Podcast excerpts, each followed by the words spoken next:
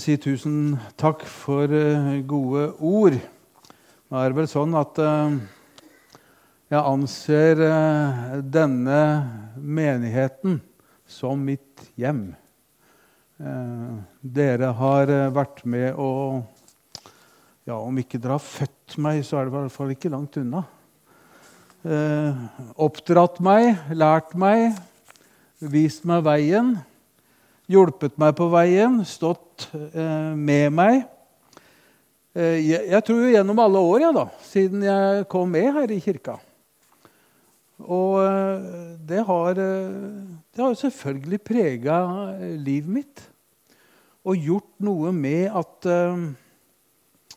Ja, jeg har stått igjennom det. Og så kan du stille meg sjøl spørsmålet videre. Hva er, hva er det som har gjort at du ikke har dratt inn årene før. For det har vært mange ganger du kunne tenkt at åh, nå drar jeg inn årene. Uh, hva er det? Jeg tror det er uh, ene og alene Guds godhet. Jeg tror det er hans trofasthet. Jeg tror det er uh, Guds uh, nærvær tett ved sida meg og Jesus. Alltid vil han være der. Uh, jeg tror det er erfaringen gjennom disse åra siden jeg starta på Lillehammer i 77. Og så har det vel ikke vært sånn at en alltid tenker at å ja, nå er Jesus veldig nær. Eh, det har vel vært eh, ganger han har tenkt at hvor i all verden er du hen, og hvor blir du av? Og eh, har du tenkt at det skal skje noen ting? Og så har hun streva med seg sjøl mange ganger og tenkt at ja, ja, hva blir det av denne tjenesten? Kommer det ut noen ting som er på en måte noe, noe som blir til noe? Eh, for jeg vil jo gjerne at eh, vi alle som arbeider i Guds rike, vil jo gjerne at det skal bli noe som har et evighetsperspektiv over seg. Eh, og Jeg husker, man kan godt dele det med dere, en, en gang på, på Oppdal var det. Jeg syns det hadde ikke skjedd noe som helst, altså. Og gamle folk og sirupa og uff, ikke skulle gjøres noe nytt. Og det var mange ting som liksom kunne Ja, det var tungt, da. Og så husker jeg jeg ba til Gud om kvelden og sa at kjære Gud, nå må du gjøre sånn at det er et menneske som blir frelst. Ja, og så fikk jeg en oppringning, da. Eller jeg traff et menneske på formiddagstreffet og som sa at eh, Vidar, du må komme og, og, og, og besøke mannen min. Eh, du skjønner at eh, han Og det, har, ja, det er ikke noe negativt om andre på noen som helst måte. Sånn har det vært for meg, og sånn har det vært for andre. Men hun sa det at du skjønner, han sognepresten var her. Han kom ingen vei med han. kom ingen vei med Så tenkte jeg, hjelpes meg hvis ikke sognepresten kommer noen vei. Hva slags vei kommer jeg da? Så, men jeg ba til Gud og sa at du må, du må møte han gubben der. Altså, jeg, ikke, jeg kjente han jo ikke engang. Og så kom jeg der, og så sier jeg til henne kona ønsker jeg velkommen, og kom inn, og her sitter han, og vær så god. Og, og hun forsvinner ut døra og lukker døra, og så sier jeg at vær så god, liksom, her, Vidar, her er mannen min. Hun får ta det an. Og så tenkte jeg, hva i all verden skal jeg si nå? Så jeg sier bare hva, hva var det du lurte på? Jeg skjønner du ville snakke med meg om noe. Ja, det var bare det men jeg lurte på åssen jeg kunne bli frelst. Da tenkte jeg hallo i natten. Er det mulig? Hvem er Gud? Trofast. Hvem er Gud? Kjærlig. Hvem er Gud? Nådig. Hvem er Gud? Tålmodig. Så denne prekenen her som jeg har nå, eller deler av den prekenen jeg har nå, den har jeg også hatt før her. Men når jeg satt og, og forberedte dette her, så tenkte jeg jeg, jeg må jo sjekke dette her jeg snakka om før en eller annen gang. Helt sikkert. For det som slo ned i meg, var dette her. Jeg har ei tjeneste stor for Gud. Og så er vi alle sammen enige om at tjenesten er stor. Det er bare det at du og jeg vi tenker av og til at den tjenesten er for stor. Den er for mye. For krevende. For vanskelig. For utfordrende. Tjen hverandre. Vær med den nådegave han har fått som gode forvaltere over Guds mangfoldige nåde. Den som taler, skal se til at han taler som Guds ord. Og den som tjener, skal tjene med den styrke Gud gir. Slik skal Gud i ett og alt bli æret ved Jesus Kristus. Han tilhører herligheten og makten i all evighet. Amen.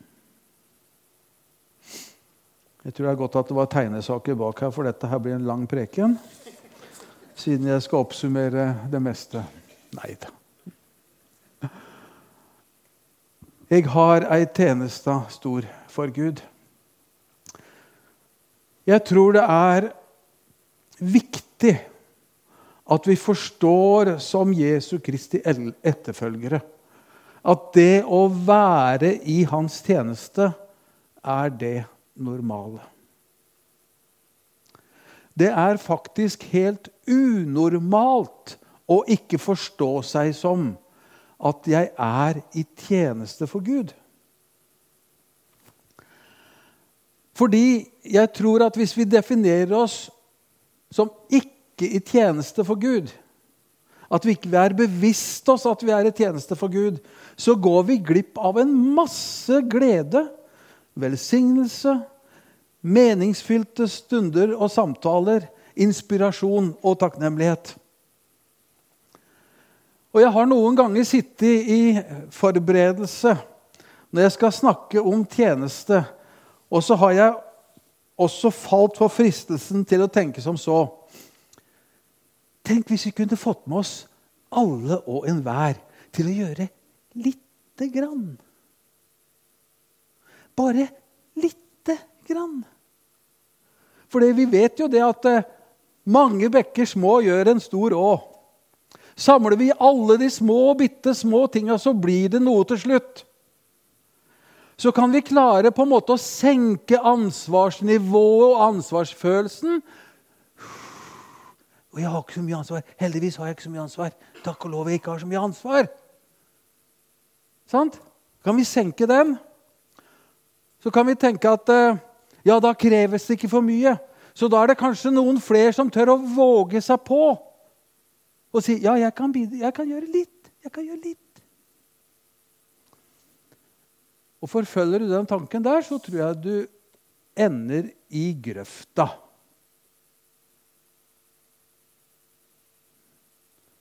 Fordi det er ikke sånn Skriften snakker om tjeneste. Det er ikke sånn Guds ord snakker om det å tjene vår Gud og Far. Og da ble jeg rammet av Skriften sjøl, som sier at den som taler, skal se til at han taler Guds ord. Og det her er ikke Guds ord, at du skal gjøre tjenesten så liten, uansvarlig, så bitte lite at noen orker, tør, vil, gidder osv. Vi må begynne et annet sted. Jeg har ei tjeneste stor for Gud. Det begynner i min gudsrelasjon. Det begynner i din gudsrelasjon. Sånn var det i Det gamle testamentet, og sånn var det i Det nye testamentet. Sånn var det med Jesaja. Han syntes at han ikke kunne fordi han falt inn for Guds nåde eller inn for Guds øyne og sa 'Jeg er en uren mann'. Sånn var det med Jeremia, som syntes han var for ung, uerfaren, kunne for lite. Sånn var det med Moses, som sa at han hadde ikke noe særlig å snakke med, så han måtte ha noen å snakke for seg. Sånn var det med Paulus, som hadde forfulgt Guds kirke, og dermed var den minste av alle. Sånn var det med disiplene, som var ulærde og lege mennesker. Sånn var det med Sakkeus, som var overtoller og altfor rik og altfor velstående. Vi kan lage oss bilder i vårt hode om alt som ikke passer, er bra nok, skulle vært annerledes osv. Men du må la det sige innover deg annen, en annen virkelighet. Jeg har ei tjeneste stor for Gud. For dette handler om din og min gudsrelasjon. Har vi fått opp noen bilder? Nei. Da tar vi noen bilder. Det der er bare smuler. Å gi folk bitte lite grann. Fordi vi føler oss som bitte små.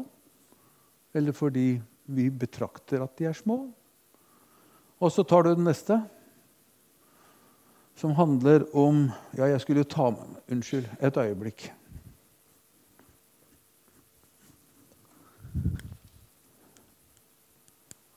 Jeg skulle jo ordne dette sjøl, sa jeg. Sånn er det.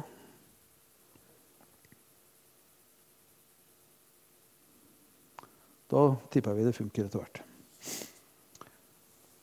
Hvem, hvem er vi? Vi er Vi har vært flinke til å Eller no, en del ganger så tenker vi Hvem er Jesus? Eh, hvem sier dere at jeg er, sa Jesus til disiplene sine. Og vi har vært noen ganger flinke til å prøve å besvare hvem Jesus er. Jo, det er viktig. Men et like stort og alvorlig spørsmål å besvare er hvem er jeg i min gudsrelasjon? Og da er du barn som holder i fars hånd. Da er du Kristi kropp. Du er en del av Han. Da sier Bibelen at du er Guds forvalter. Ja, endog til at du er Jesu Kristi slave. Han brukte jo litt uh, samtidssnakking, han Paulus, da selvfølgelig. Så uh, det blir jo litt umoderne å snakke om det. Men vi skjønner vel hva det innebærer. Som disipler så er vi forvaltere. Vi gjør noe på vegne av Gud. Paulus sier vi er Guds bygning, vi er Guds tempel, vi er Guds åkerland. Vi er Guds medarbeidere. Vi er Guds utsendinger, og vi bygger Guds rike og er vitner om Han. Så hvis du samler disse nytestamentlige uttrykk og bilder om hvem vi er i vår gudsrelasjon. Det er ikke lenge siden jeg snakka om vintreet og grenene. Altså, du, du, har en uendelig rekke av disse bildene. Og hvis du samler dem, så gir det en forståelse av hvem vi er. Og når du har den forståelsen av hvem du er inne, ja, så er det ut ifra den du står i tjeneste. For Gud er den som kaller. Høsten er stor, arbeiderne er få. Be derfor høstens herre sende ut arbeidere for å høste inn grøden hans. Så hvorfor skal du ha en tjeneste? Jo, vi skal ha en tjeneste for fellesskapets skyld. vi skal ha en tjeneste for eh, at, at organismen, kirken, menigheten, skal fungere. Men du skal også ha en tjeneste. Og hør nå Fordi du skal ha omsorg for ditt eget åndelige liv. Tilbake til der jeg starta. Det er ikke normalt å ikke ha en tjeneste i Guds rike. Har du en tjeneste, så er det faktisk en del av det å leve en normal relasjon til Jesus. Det er å ha en egenomsorg for sitt eget åndelige ve og vel. Du har hørt det mange ganger. Du blir det du spiser. Ja, du blir det du står i. Du blir det du holder på med. Det er med å prege deg. Vi reagerer på, på trening. Vi, vi, responderer på trening. Opp av senga, ut og le skrotten. Det var det onkelen min sa. 'Nå jeg må ut og le skrotten', sa han. Han kjente at nå måtte han få litt fart på blodpumpa si.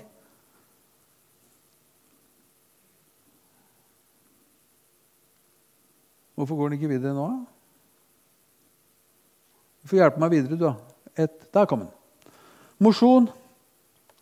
Vi må le oss. Omsorg for vårt eget åndelige liv handler også om å være i tjeneste. Finne de relasjonene som betyr noe for oss. Leve et liv med mening. For det jeg tror skjer, det er at i relasjonen tjeneste, når du er i arbeid for Jesus Kristus, når du er i tjenesten for Jesus Kristus, så gir det noe tilbake til livet ditt som gir så mye mening, så mye kraft, så mye glede at du orker og står i det, og at velsignelsene blir større enn omkostningene og svetten og tårene og slitet og tida du bruker. Du blir nemlig det du lever.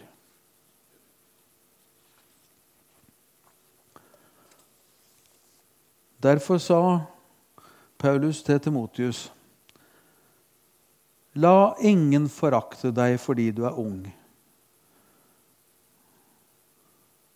La ingen forakte deg fordi du begynner å bli gammel.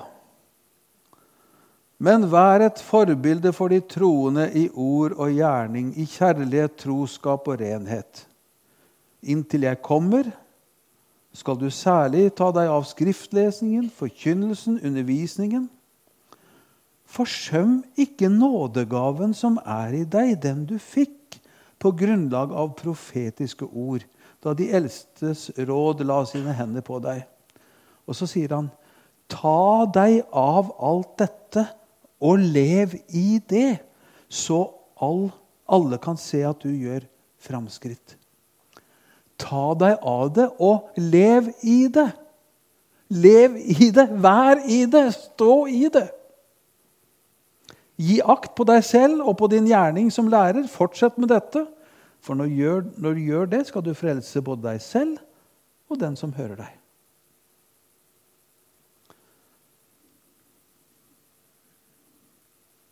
Det var en gang til.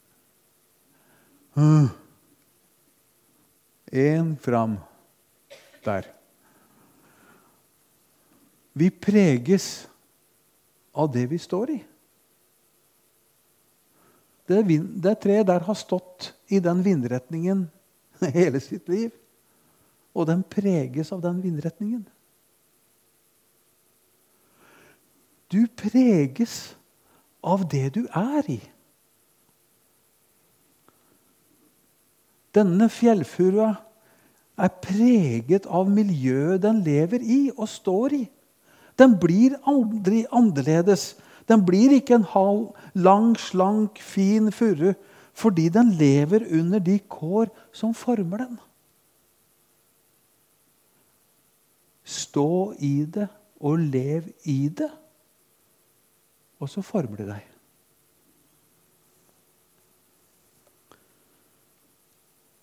Tjenesten, dere. Hvorfor skal jeg ha en tjeneste? Jo, du er skapt til tjeneste. Vi har hørt det. Det er normalt å ha en tjeneste.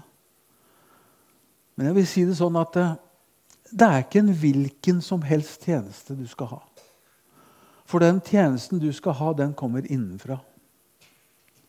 Den kommer fra det Gud har betrodd deg. Så kan du bruke tid på å finne det så kan du bruke og undersøke gjennom andre og samtaler og erfaring og prøver og feiling så finne ut hva er min tjeneste. Ditt og mitt gudskall, det er faktisk å leve ut det Gud har betrodd oss og gitt oss.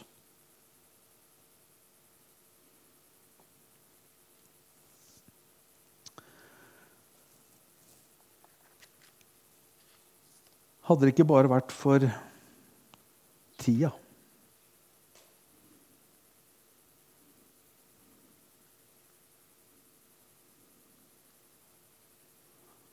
Dere har hørt om svarte hull. Det er eh, sånne stjerner som har slokna, som eh, suger alt. Så alt forsvinner bare der og blir vekk. Og selv lyset forsvinner der. Fordi at eh, gravitasjonskreftene er så store. Hadde det bare ikke vært for tida.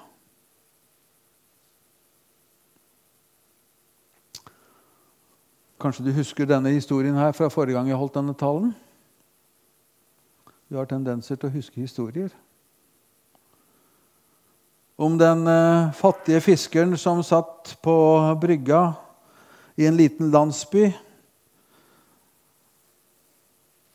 Da han kommet inn med båten sin om morgenen, og det var mye fisk Og en rik amerikaner, han sa til denne fattige mannen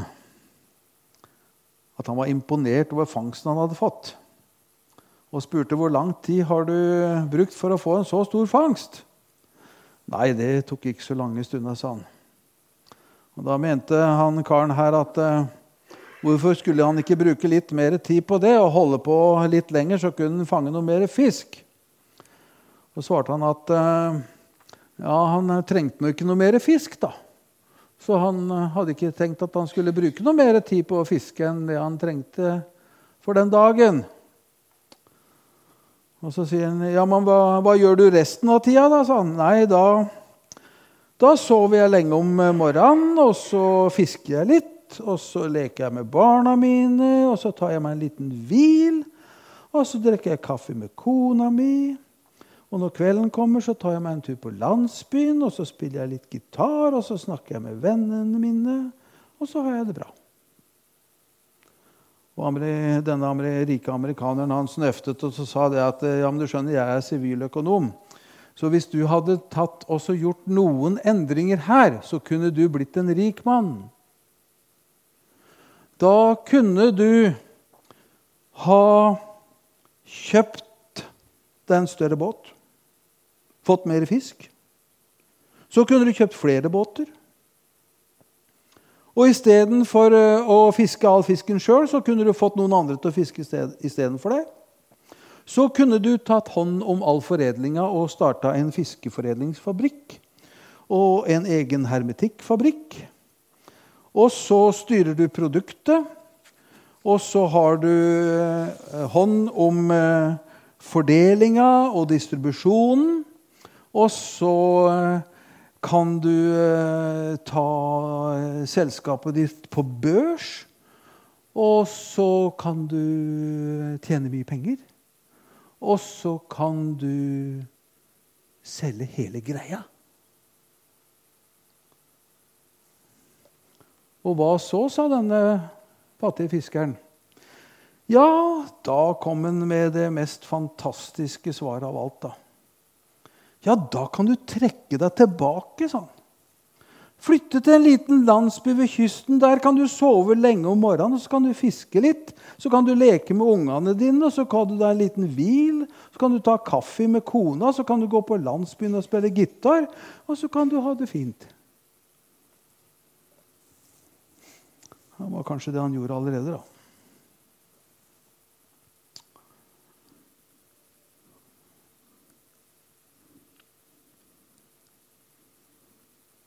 Nei. Jo, der kom den. Jeg tror ikke vi skal gå så mange unødige omveier. Jeg tror vi må gå rett på det som handler om det viktige i livet vårt. Jeg tror ikke vi behøver å ordne alt som ikke betyr noe, som ikke er viktig. Som ikke fører oss dit vi egentlig lengter og egentlig ønsker å være. Jeg skal bare, sa Albert Aaberg. Ja, det er jo sånn alle barn tenker.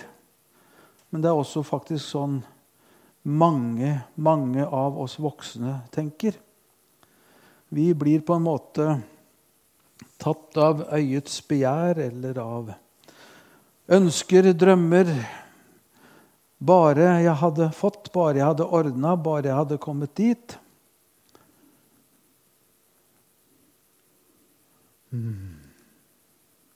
Dette er en tålmodighetsprøve. Der. Kanskje vi skulle slite av noen brutale lenker. Finne kjernen. Vår menighet har en fantastisk visjon som jeg tror er gudgitt. For den er arbeida fram under bønn, under samtale over tid i oppriktig søken etter Guds vei og vilje for vår menighet. Og jeg tror vi skal våge å tro at visjonen som vår menighet har, det er Guds svar på hva vår menighet skal være og gjøre, og hvordan vi skal handle. Det viktigste som kan skje i vår menighet for Guds rike sak, for ditt eget åndelige livs friskhets skyld, for din egen gledes skyld, for å bringe enda større mening og trygghet inn i ditt liv, det er å gjøre det oppdraget Gud har gitt oss. Og jeg tror det starter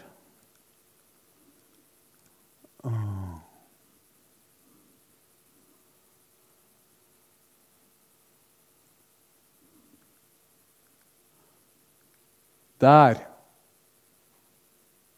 Med en ny venn.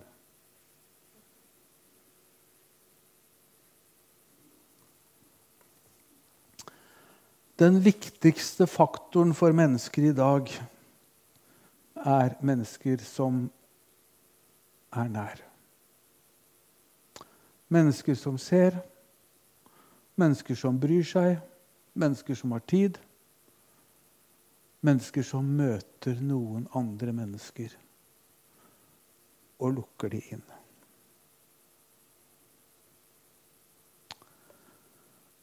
Så jeg tror det handler om å rydde plass i vår egen sosiale kalender.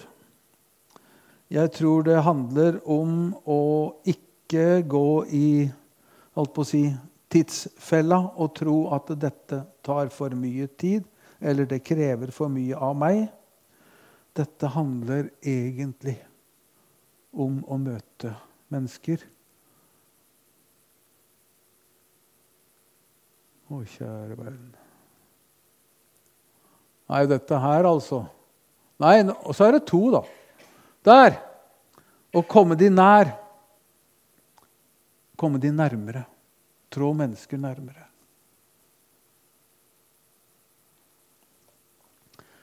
Mennesker utenfor kirken, de viktigste som fins.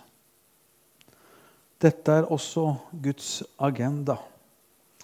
Å be dem inn, så mitt hus kan bli fullt, sa Jesus. Det var den lignelsen han fortalte om hvordan Guds rike så ut. Men kanskje så er vi litt eh, Eller vi er litt redde, eller jeg er litt redd for dette Naaman-syndromet. Eh, som eh, jeg vil si handler om Det er ikke stort nok.